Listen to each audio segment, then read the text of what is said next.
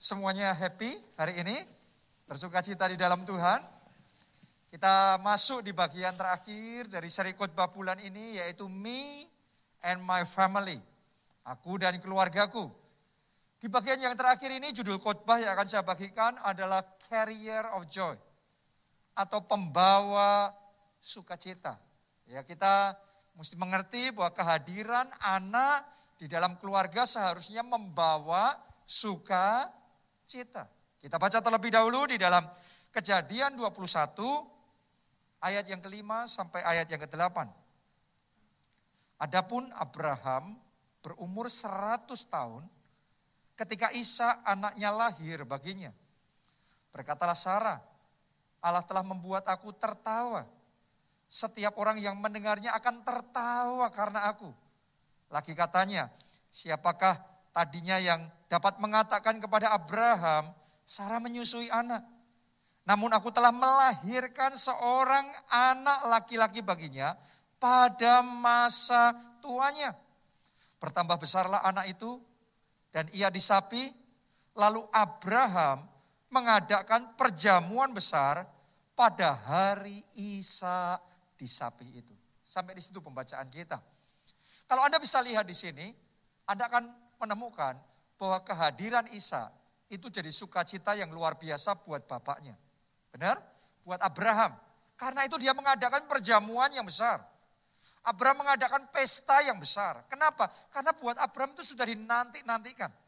Ya, Isa itu adalah sukacita, itu mendatangkan sukacita yang meluap, sukacita yang melimpah-limpah di dalam kehidupannya.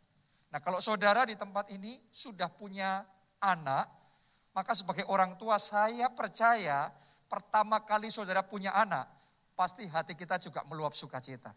Benar apa tidak?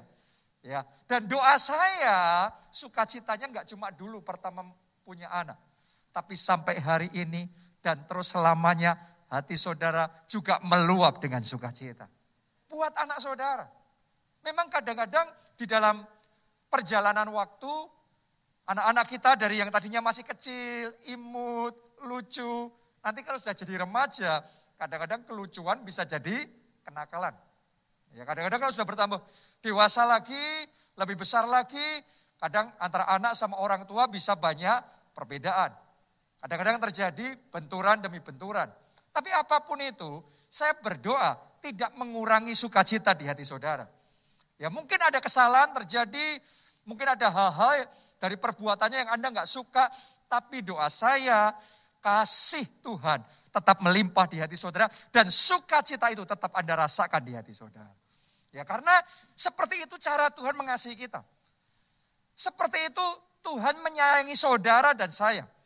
Tuhan mengasihi kita bukan cuma waktu kita masih kecil. Tapi sampai sekarang pun, saya mau tanya, sekarang ini dalam hidup kita banyak salahnya enggak? Kita juga banyak salahnya. Banyak kurangnya enggak? Banyak kekurangan dan banyak kelemahan. Tapi seberapa banyak dari saudara tahu, Tuhan kasihnya tidak berubah. Dia tetap menerima kita apa adanya. Dia tetap mengasihi kita. Dia mau mengampuni dosa-dosa kita. Dan dia terus memberikan yang terbaik. Kasih dari Tuhan tercurah dalam hati kita. Sehingga sukacita melimpah. Tepuk tangannya pula yang paling meriah buat Tuhan. Amin. Jadi sebagai orang tua, doa saya, sukacita saudara terus melimpah atas anak-anak saudara. Tapi firman Tuhan hari ini lebih dari sisi kita sebagai anak kepada orang tua. Ibaratnya saya, saya di satu sisi adalah orang tua buat anak-anak saya. Tapi di sisi yang lain saya adalah anak buat orang tua saya. Itu sebabnya kehadiran kita seharusnya mendatangkan sukacita bagi orang tua kita. Coba Anda renungkan ya, waktu kita lahir di dunia pada waktu itu, orang tua kita happy apa tidak dengan keberadaan kita, itu di luar kendali kita. Benar? Karena kita masih baby, kita belum bisa apa-apa. Tapi semakin bertambahnya usia kita, pilihan-pilihan hidup kita itu yang sangat mempengaruhi apakah orang tua kita bersuka cita atau tidak atas keberadaan kita. Itu sebabnya jadilah anak yang membuat pilihan-pilihan hidup yang benar, yang baik, sehingga hidup kita mendatangkan sukacita bagi orang tua kita. Doa saya melalui firman Tuhan ini, Tuhan bicara kepada hati kepada kita semua masing-masing di tempat ini. Sehingga kita semua jadi anak-anak yang bisa mendatangkan sukacita buat orang tua kita. Kenapa itu penting? Karena anak yang tahu mendatangkan sukacita buat orang tuanya dalam hidup anak-anak itu, Tuhan akan mencurahkan satu berkat yang spesial yang namanya the father's blessing. Yang namanya berkat Bapak. Itu berkat yang Tuhan akan curahkan dalam hidup saudara. Dan saya berdoa Anda punya berkat itu dalam hidup saudara. Anda terima berkat Bapak itu dalam hidup saudara. Kalau Anda terima berkat Bapak itu dalam hidup saudara, berkat ini punya kuasa yang besar sekali. Anak yang terima berkat Bapak dalam hidupnya, dalam hidup anak itu kayak dikasih sayap untuk bisa terbang tinggi. Artinya harusnya nggak bisa. Hal-hal yang harusnya kita tidak mampu. Tapi karena ada berkat Bapak yang nggak bisa jadi bisa. Yang harusnya nggak mungkin, tapi jadi mungkin dalam hidup kita. Karena ada berkat Bapak, pintu-pintu yang tertutup akan terbuka.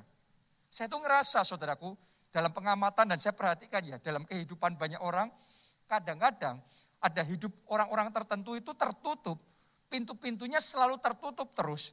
Ya, karena kadang-kadang tanpa sadar nggak ada berkat Bapak dalam hidupnya. Karena itu saudara tangkap firman Tuhan hari ini, Anda jadi pendengar dan pelaku firman Tuhan, maka mulai hari ini pintu-pintu yang tertutup akan terbuka di dalam nama Yesus. Amin. Anda akan mengalami yang namanya percepatan rohani, Anda akan mengalami akselerasi rohani. Saya nubuatkan ya, di tempat ini di dalam nama Yesus, ada orang-orang yang di masa pandemi ini anda nggak nunggu masa pandemi selesai, tapi di masa pandemi ini Tuhan akan membuat saudara mengalami lompatan besar, kemenangan besar, terobosan besar terjadi dalam hidup saudara. Karena itu kita mesti punya berkat Bapa. The Father's blessing dalam hidup kita. Dan kuncinya adalah jadi anak yang tahu mendatangkan sukacita buat orang tua. Coba Anda lihat anaknya Abraham, yaitu Isa. Isa ini adalah anak yang baik. Anda boleh teliti itu dalam firman Tuhan. Dia tahu nyenengin hati orang tuanya. Dia tahu mendatangkan sukacita dalam hati bapaknya. Itu sebabnya dalam hidup Isa ada yang namanya berkat bapak itu. Dan dengan berkat bapak itu Alkitab mencatat apa yang di tangannya, apa yang Abraham beri sama dia. Warisan yang Tuhan kasih sama, warisan yang dikasih Abraham kepada Isa. Warisan itu diberkati Tuhan sehingga jadi seratus kali lipat.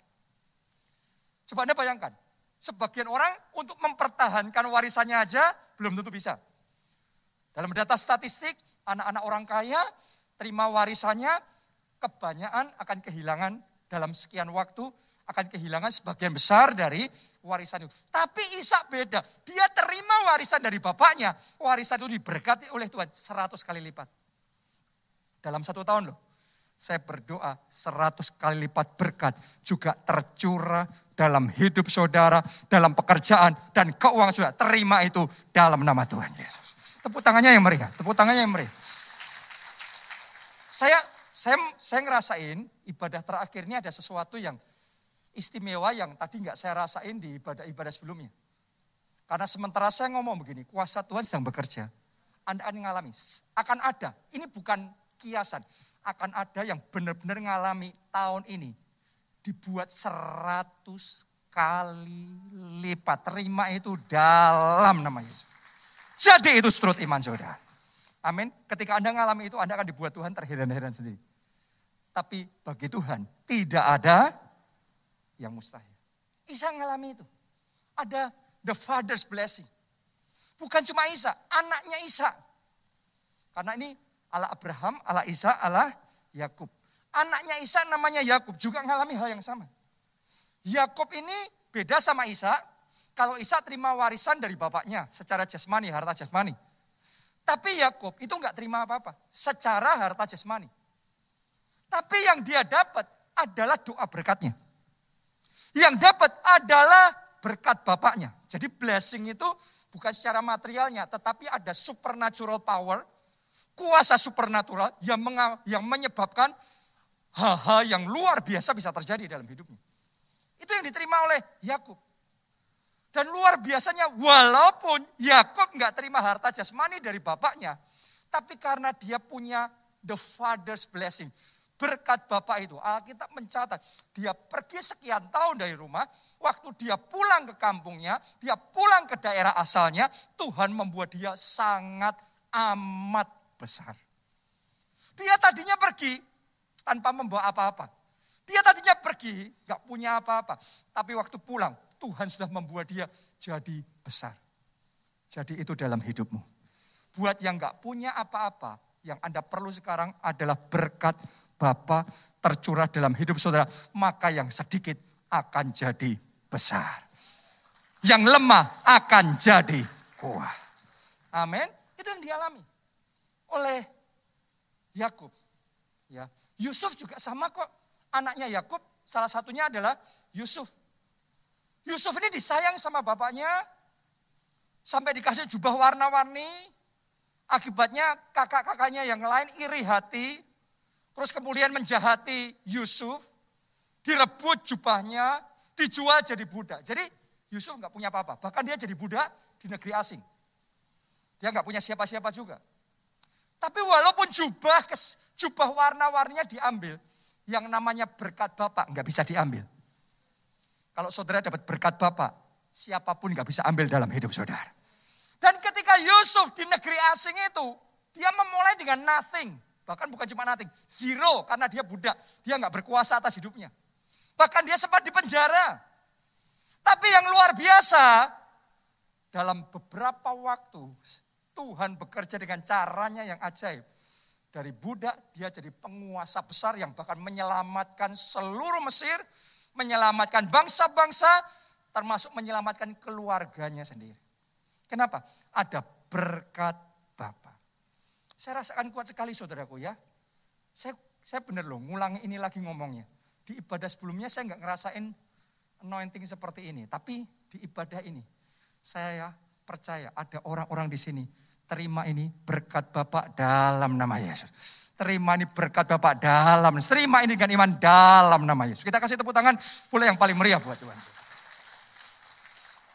Itu sebabnya jadilah anak yang mendatangkan sukacita bagi orang tua saudara.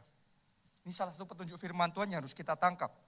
Pertanyaannya apa yang kita bisa lakukan untuk bisa mendatangkan sukacita buat orang tua kita? Ada empat hal yang saya mau bagikan hari ini. Nomor satu, hiduplah dalam kebenaran. Sesimpel kalau kita mau orang tua kita happy, sederhana, hidup yang benar. Hidupnya jangan kacau balau, jangan berantakan. Hidup yang benar. Orang tua kalau melihat anaknya hidup benar, itu sudah happy. Orang tua kalau melihat anaknya hidupnya benar, dia sukacita. Kita baca ya, 3 Yohanes 1 ayat 4 bagiku tidak ada sukacita yang lebih besar daripada mendengar bahwa anak-anakku hidup dalam kebenaran.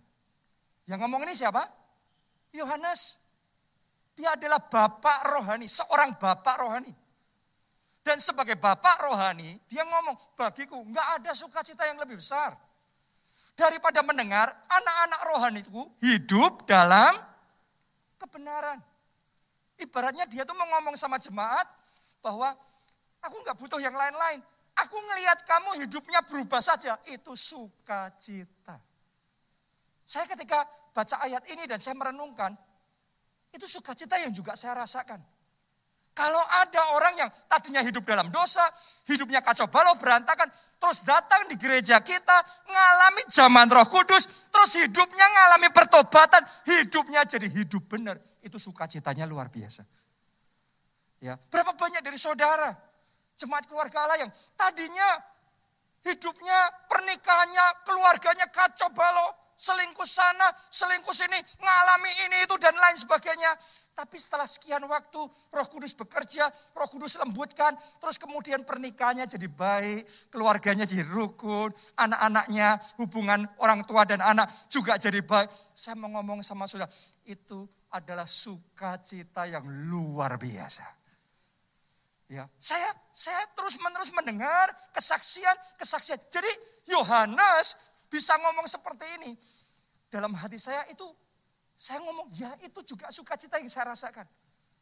Dan saya yakin orang tua saudara pun kalau melihat perubahan-perubahan yang positif dalam hidup saudara, jadi hidupnya benar, mendidik anaknya benar, kerjanya benar, ibadahnya benar, ngelihat kita sebagai anak, kita hidup benar orang tua kita pasti bersuka cita. Haleluya. Jadi kalau kita mau jadi anak yang mendatangkan sukacita buat orang tua, pastikan saudara hidup benar. Jangan sampai kita tanpa sadar menghancurkan hati orang tua kita dengan hidup nggak benar. Hidup kacau balau, hidup berantakan. Itu yang dilakukan oleh anak bungsu yang terhilang. Dalam satu kisah yang diceritakan oleh Tuhan Yesus. Anak bungsu ini di negeri yang jauh dia sudah dimodalin, dia dikasih semuanya. Tapi ya, tapi bapaknya mendengar berita ternyata di negeri yang jauh anak yang disayangi ini yang sudah dikasih semua yang terbaik ini malah hidup dalam dosa, hidup foya-foya, gonta-ganti perempuan, hidupnya kacau balau. Kalau saudara jadi bapaknya, Anda happy apa hati saudara hancur? Itu heartbreaking. Itu sesuatu yang akan menghancurkan hati orang tua mana pun. Ya, kadang-kadang saya perhatikan ya, Anda mungkin juga pernah ketemu sama orang-orang tua yang anaknya hidupnya kacau balau berantakan gak karu-karuan. Terus hanya berapa lama Anda gak ketemu, setelah itu Anda ketemu sama mereka, orang-orang tua ini, Kadang-kadang kita kaget, loh kok mukanya berubahnya cepat sekali ya. Tiba-tiba kelihatan tua sekali. Pernah nggak sudah ketemu yang seperti itu? Ya, kenapa? Karena ketika orang tua ngelihat anak seperti itu, sebenarnya menghancurkan hati, itu memperpendek usia.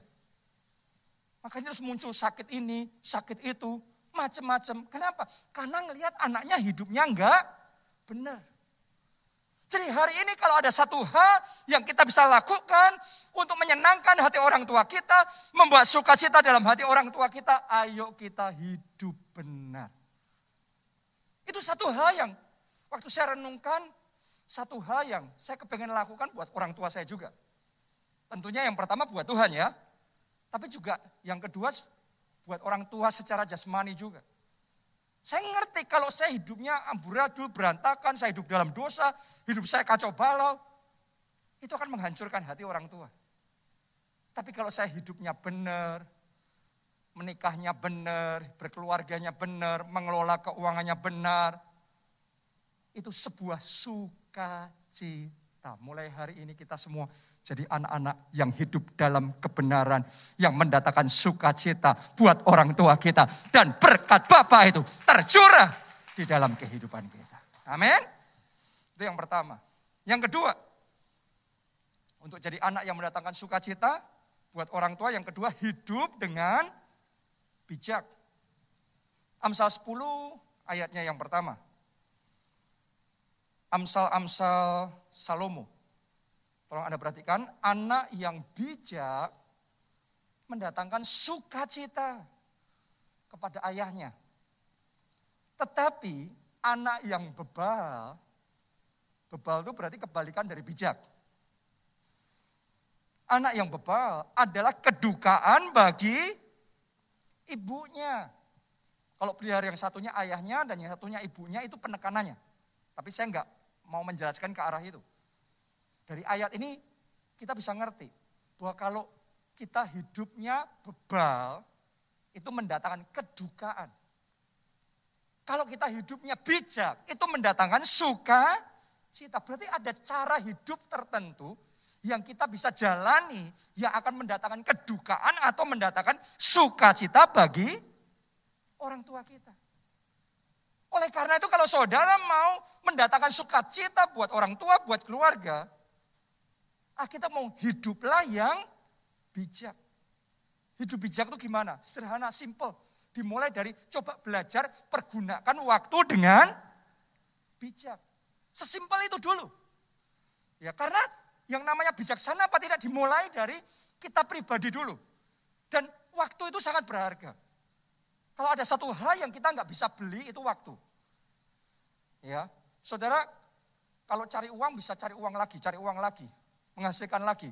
Tapi waktu sudah genap, waktu kita disemprit pulang, ya sudah selesai. Anda mau kaya seperti apa pun, konglomerat seperti apa pun, Anda kan nggak bisa ngomong sama Tuhan, uang segini bisa dapat berapa tahun? Uang segini bisa dapat berapa tahun?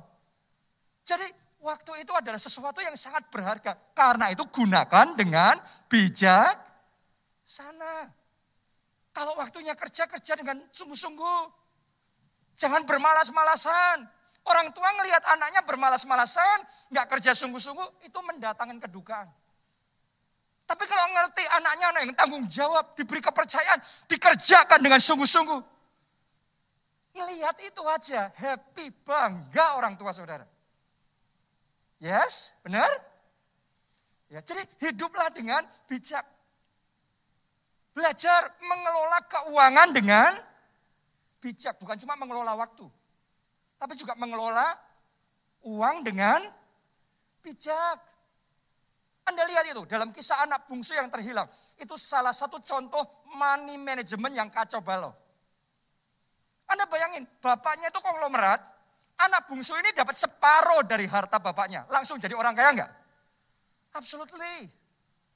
Tapi hanya butuh waktu yang sangat singkat untuk anak bungsu ini dapat semua, dapat kekayaan yang begitu besar dalam waktu sangat singkat. He lost it all. Semuanya hilang. Enggak berbekas sama sekali. Kenapa? Ini adalah money management, pengelolaan keuangan yang parah sekali. Jadi kalau kita nggak belajar mengelola keuangan dengan bijak, berapapun banyak dikasih di tangan kita, mesti habis. Mau dikasih lagi, habis lagi. Mari belajar seperti Isa. Isa dikasih kepercayaan, harta bapaknya dikasih. Bukannya habis, dalam setahun seratus kali lipat. Dia bisa kelola sedemikian rupa dengan bijaksana sehingga yang sedikit jadi banyak, yang banyak jadi sangat banyak. Ngelihat anak bisa ngelola keuangan dengan bijaksana, orang tua saudara bangga. Orang tua saudara akan bersuka cita. Yang mengerti boleh katakan amin saudaraku. Jadi hidup kita, keputusan kita, kalau kita lakukan dengan bijaksana, itu akan mendatangkan sukacita.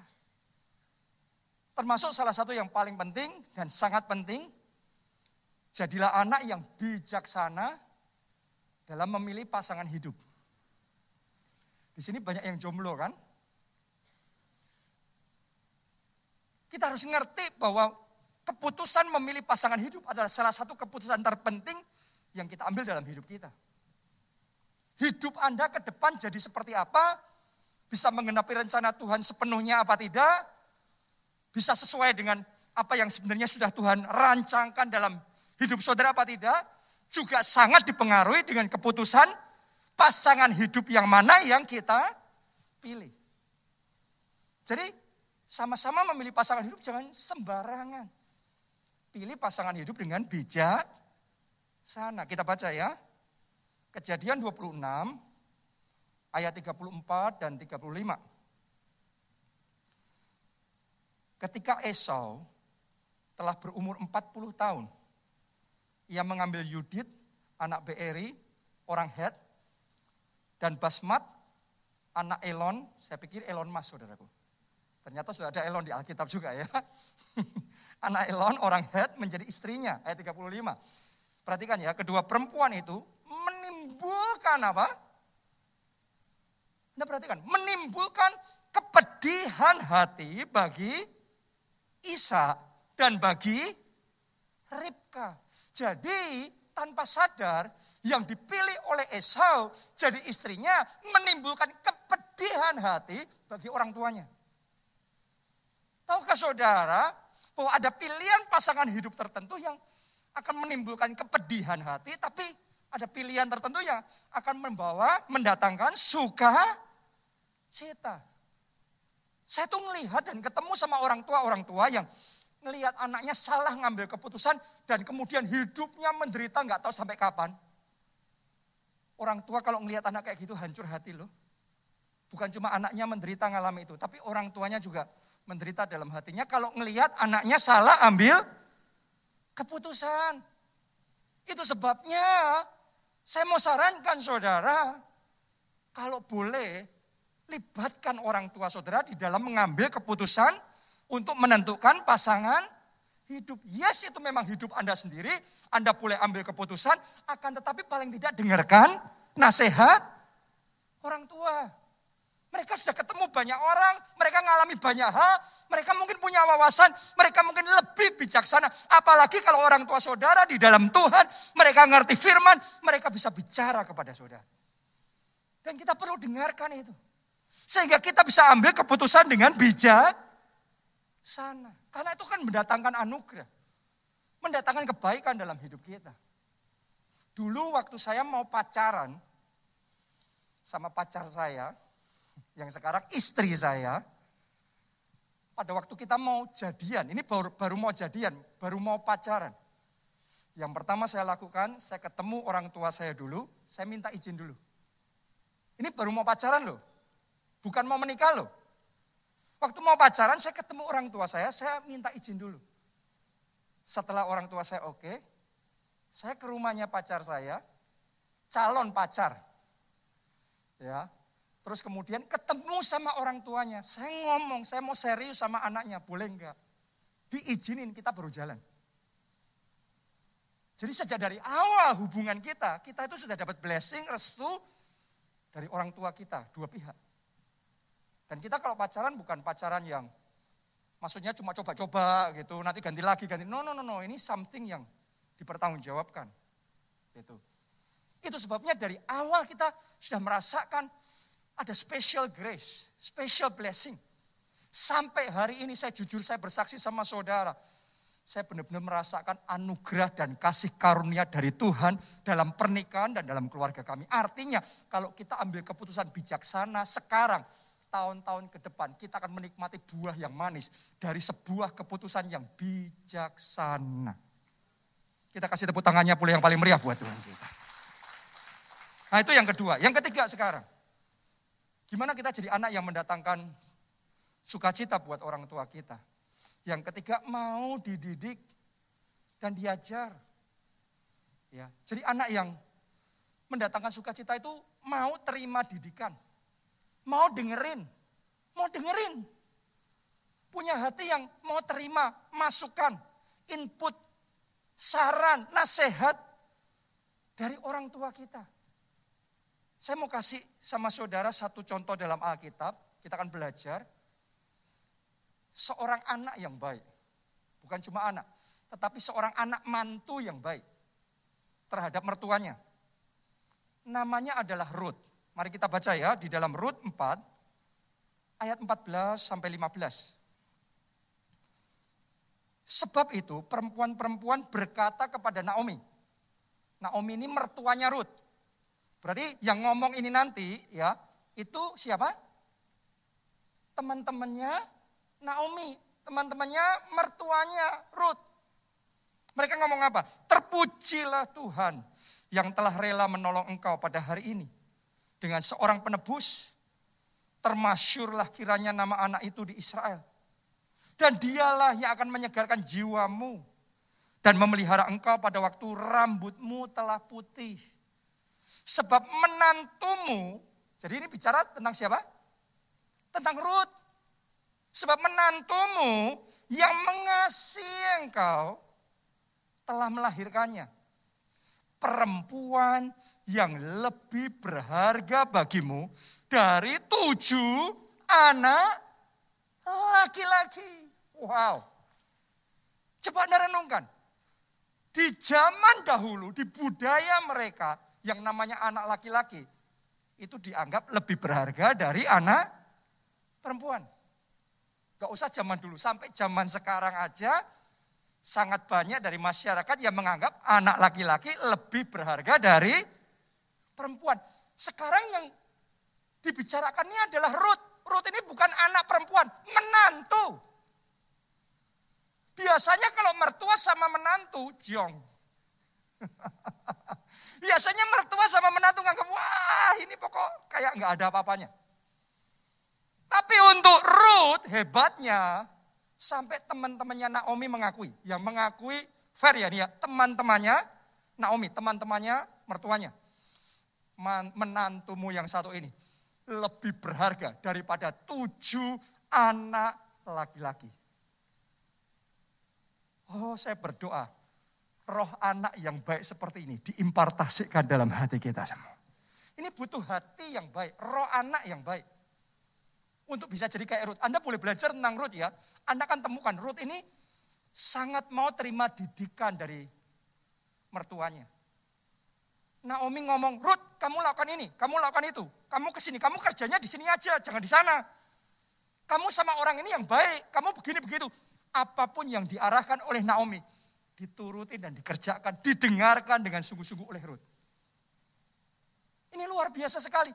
Mau diajar, mau terima didikan dari mertuanya. Makanya nggak heran jadi disayang luar biasa. Makanya nggak heran dalam hidup Ruth ada the father's blessing. Ada berkat Bapak. Itu sebabnya sekalipun dia sempat mengalami goncangan dan tantangan besar dalam hidupnya. Semua orang juga sempat mengalami tantangan besar. Tapi karena ada berkat Bapak itu, dia diselamatkan. Bahkan dia diangkat tinggi di dalam kemuliaan. Coba anda renungkan itu. Jadi saya berdoa, saudara bisa punya hati anak yang baik seperti yang dipunya Ruth. Zaman sekarang ya, jangankan cari anak yang seperti Ruth, yang mau dengerin orang tua seperti Ruth. Itu kan sudah susah, apalagi cari menantu seperti Ruth. Tapi saya yakin melalui firman Tuhan hari ini, stoknya akan banyak dari jemaat keluarga Allah. Akan dibangkitkan anak-anak yang baik, menantu-menantu yang baik. Dan di dalam hidup saudara akan ada berkat Bapa yang tercurah luar biasa di dalam hidup saudara. Haleluya. Saya saya sendiri saudaraku berusaha untuk melakukan setiap firman Tuhan yang saya sampaikan. Saya berusaha sungguh-sungguh melakukan yang semaksimal yang saya bisa lakukan secara periodik, secara periodik, saya itu akan punya waktu dan kesempatan ketemu sama orang tua saya, dan juga ketemu sama mertua saya, hanya untuk tanya sama mereka, ngomong dari hati ke hati, ya Pak, ada nggak hal-hal yang Papa lihat dalam hidupku yang mungkin perlu aku rubah? Atau perlu aku uh, tingkatkan? Ya saya selalu ngomong begitu, secara periodik, sekian lama, terus sekian lama ngomong gitu. Dan kadang-kadang mereka ngomong ini, ngomong itu, yang ini sudah oke, yang ini perlu dirubah, yang ini kamu harusnya seperti ini dan lain sebagainya. Ya, kadang-kadang ada ada aran-aran, perkataan-perkataan yang mereka sampaikan sama saya yang belum tentu langsung bisa saya terima. Atau langsung bisa saya mengerti. Atau mungkin saya setuju dengan semuanya itu. Belum tentu. Tapi walaupun saya belum tentu setuju, enggak saya sanggah, enggak saya lawan. Pokok saya terima, saya dengarkan, saya pakai itu jadi bahan refleksi saya, jadi bahan perenungan saya, dan sebisa yang saya lakukan, saya akan coba lakukan yang terbaik. Dan itu mendatangkan kebaikan dalam hidup saya. Dari waktu ke waktu ada perubahan, ada perubahan, ada perubahan. Dan ada pertumbuhan dalam karakter, pertumbuhan dalam kehidupan rohani. Kenapa? Karena ada arahan yang saya terima. Kenapa kok saya ngelakuin itu? Karena saya ngerti kadang-kadang mereka mungkin belum tentu enak mau langsung ngomong sama saya. Kalau saya yang nggak memberi kesempatan dengan sengaja membuka hati untuk mereka memberikan arahan. Jadi saya sengaja menyiapkan hati saya di waktu-waktu tertentu.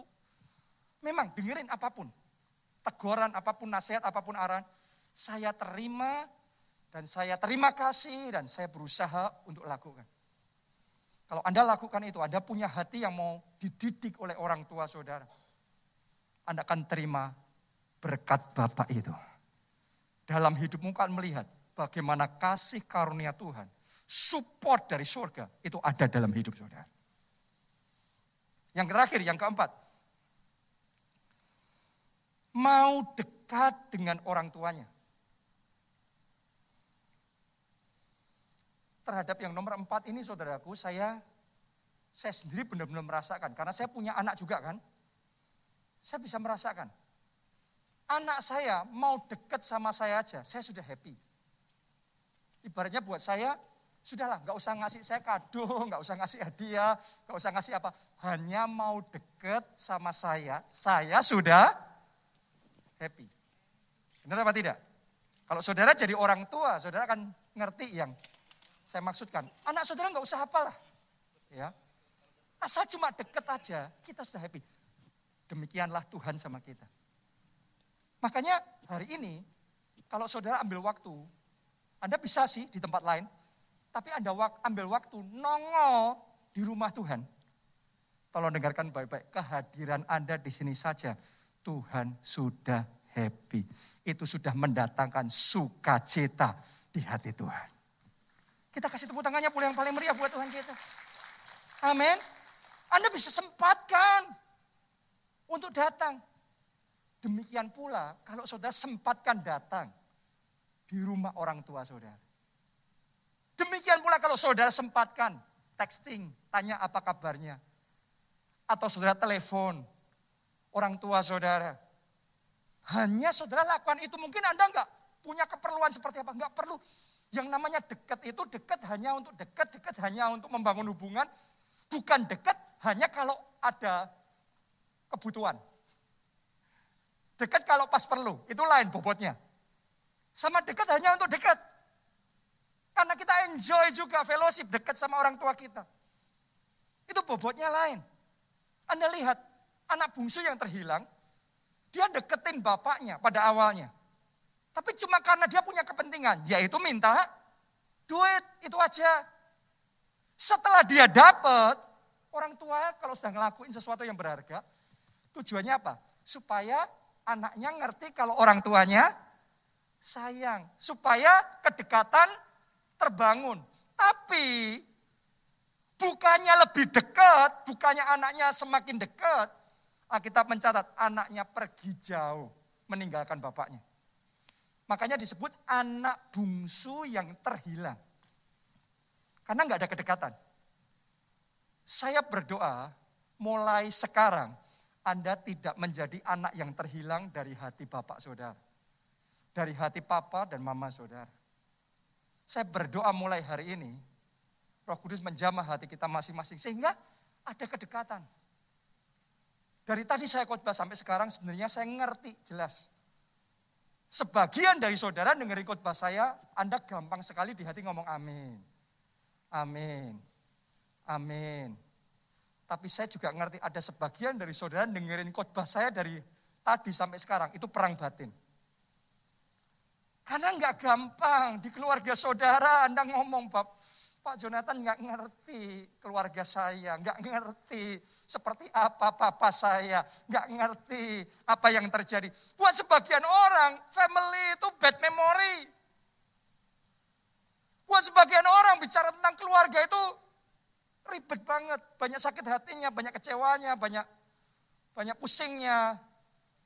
Tapi mulai hari ini kalau saudara buka hatimu terhadap firman Tuhan dan Anda mau meresponi firman Tuhan, tahukah saudara Tuhan bisa mengubah sesuatu yang paling ugly paling jelek sekalipun menjadi sesuatu yang indah. Mulai hari ini Tuhan akan buat keluarga sudah jadi indah. Kalau bicara keluarga bukan bicara sesuatu yang memilukan, menyakitkan. Tapi mulai hari ini kalau saudara bicara keluarga, Anda akan melihat pemulihan terjadi dan keluarga saudara menjadi indah. Amin. Saya ajak saudara baca ayat yang terakhir. Amsal 23, ayatnya yang ke 25. Biarlah ayahmu dan ibumu bersuka cita. Biarlah beria-ria dia yang melahirkan engkau. Jadi saya ajak saudara semua. Ayo jadikan visi membahagiakan orang tua. Makanya ditulis tadi. Dalam hidup kita, mari kita buat yang melahirkan kita, bapak kita, ibu kita, bisa bersuka cita. Saya berdoa melalui hidup saudara, ada sukacita dalam keluarga saudara. Ada sukacita dalam hati orang tua saudara.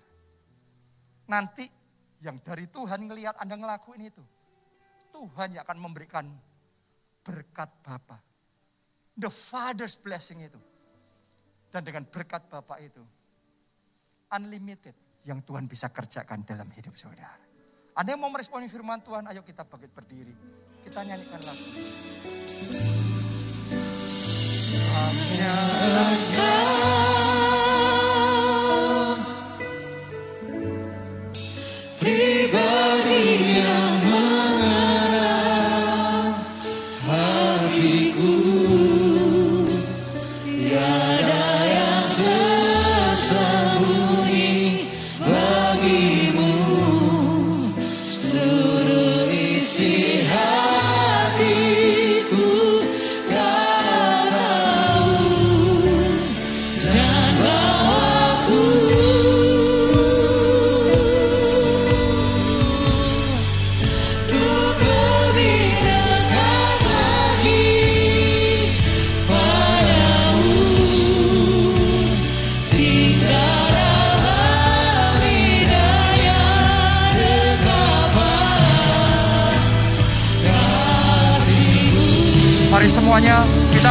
tangan kita.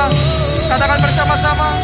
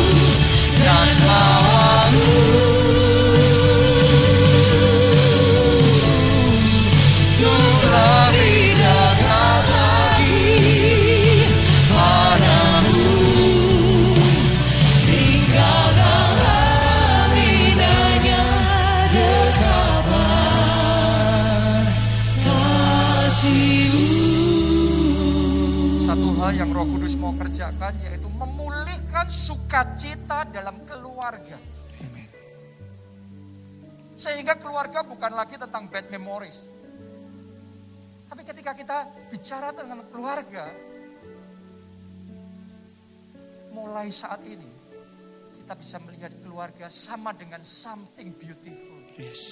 Something yang kita enjoy to talk about. Tapi untuk itu bisa terjadi butuh yang namanya pemulihan. Dan pemulihan dimulai dari Tuhan. Hari ini kita belajar tentang jadi anak yang baik yang mendatangkan sukacita buat orang tua kita. Tapi saudara harus tahu, sebenarnya orang tua kita yang sesungguhnya, dialah kreator kita. Dia yang menciptakan kita. Dialah Bapak surgawi kita. Dan Alkitab mengatakan begini, barang siapa percaya kepada Yesus, ia diberi kuasa untuk menjadi anak-anak Allah. Kalau saudara jadi anak Allah, Allah jadi bapak saudara, maka dia akan mengajari saudara bagaimana jadi anak yang baik. Dan kalau saudara jadi anak yang baik buat bapak di surga, akan gampang buat saudara jadi anak yang baik buat bapakmu yang ada di dunia. Buat orang tua saudara secara jasmani. Karena itu semuanya dimulai dari kita sama Tuhan terlebih dahulu. Karena itu saya mau ajak buat saudara yang belum pernah menerima Yesus, sebagai Tuhan dan Juru Selamat dalam hidup saudara. Ayo buka hati. Kita minta dia masuk dalam hidup kita jadi Tuhan kita. Jadi penyelamat kita. Yes. Maka Anda akan melihat bagaimana Tuhan akan mulai mengerjakan karyanya dan rencananya dalam hidup. Di mana pun Anda berada, mari kita angkat dua tangan kita. Ikuti doa ini, katakan Tuhan Yesus. Tuhan Yesus, Masuklah dalam hatiku. masuklah dalam hatiku. Jadilah Tuhan dan Juru Selamatku. Jadilah Tuhan dan Juru Jadi Selamatku. Bapakku. Jadi Bapa, Ampuni dosa-dosaku. Ampuni dosa-dosa. Selamatkan hidupku. selamatkan hidupku. Mulai sekarang, Mulai sekarang, hidupku milik Tuhan Yesus. hidupku milik Tuhan Yesus. Dan aku percaya Dan aku percaya dosa-dosaku sudah diampuni. dosa-dosaku sudah diampuni. Hidupku sudah diselamatkan. Hidupku sudah diselamatkan. Terima kasih Tuhan Yesus. kasih, Terima kasih Tuhan Yesus. Amin. Mari semuanya angkat dua tangan kita berdoa buat keluarga kita yang belum mengenal Yesus. Mari semuanya berdoa buat keluarga kita yang belum terima pengampunan dosa. Biarlah anugerah keselamatan.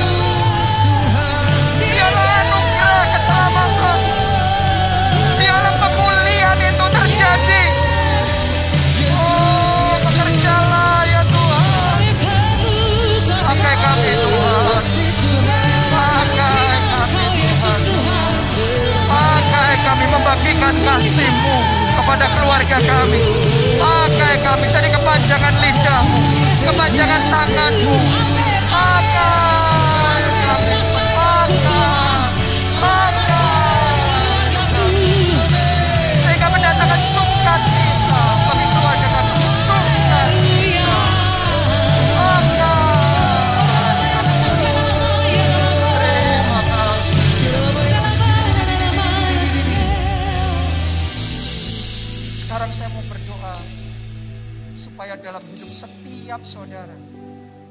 mulai sekarang, Anda punya yang namanya berkat Bapak itu. Amin. Amin. Tadi lagu sebelum firman Tuhan yang kita nyanyikan tentang blessing for a thousand generations. Yes. Kalau saudara ada di dalam keluarga, di mana ada blessing for a thousand generation itu, maka Anda akan melihat, Anda kayak biasa saja sudah dibawa maju. Terlebih lagi saudara mau berjuang, itu Anda akan melihat akselerasi yang belum pernah Anda alami sebelumnya. Jadi kalau saudara terima berkat Bapak itu bukan hanya Anda sendiri, tapi juga berkat buat keluarga saudara. This is blessing for a thousand generation. Yes. Berkat sampai ribuan keturunan. Amin. Tapi dimulai dari yang namanya kita jadi anak. Anak yang tahu mendatangkan sukacita bagi orang tua kita. Jadi kalau saudara mau terima berkat Bapak itu, mari semuanya yang mau jadi anak yang mendatangkan sukacita Yesus. buat orang tuanya. Saudara angkat dua tangan saudara, mari kita sampaikan komitmen kita di hadapan Tuhan. Katakan Tuhan Yesus, Tuhan Yesus, mulai sekarang. Mulai mulai sekarang. sekarang. Aku mau belajar. Aku mau belajar. jadi anak yang baik, jadi anak yang baik. punya hati anak yang baik, Punya hati anak yang baik. yang mau mendatangkan sukacita ya yang ya bagi orang tua. Sukacita suka bagi, bagi orang tua. Aku mau ya Tuhan. Aku, aku mau ya Tuhan. Sekarang angkat dua tangan sudah tinggi-tinggi. Yes. Di dalam nama Yesus. Di, di dalam nama Yesus. Yesus. Di dalam nama Yesus. Di dalam nama Yesus. Terima berkat Bapa ini. Oh, kami terima. Terima berkat Bapa ini. Terima. Yes. Terima berkat Bapa ini. Terima. Dalam hidup saudara. Sementara ada belajar jadi anak yang baik.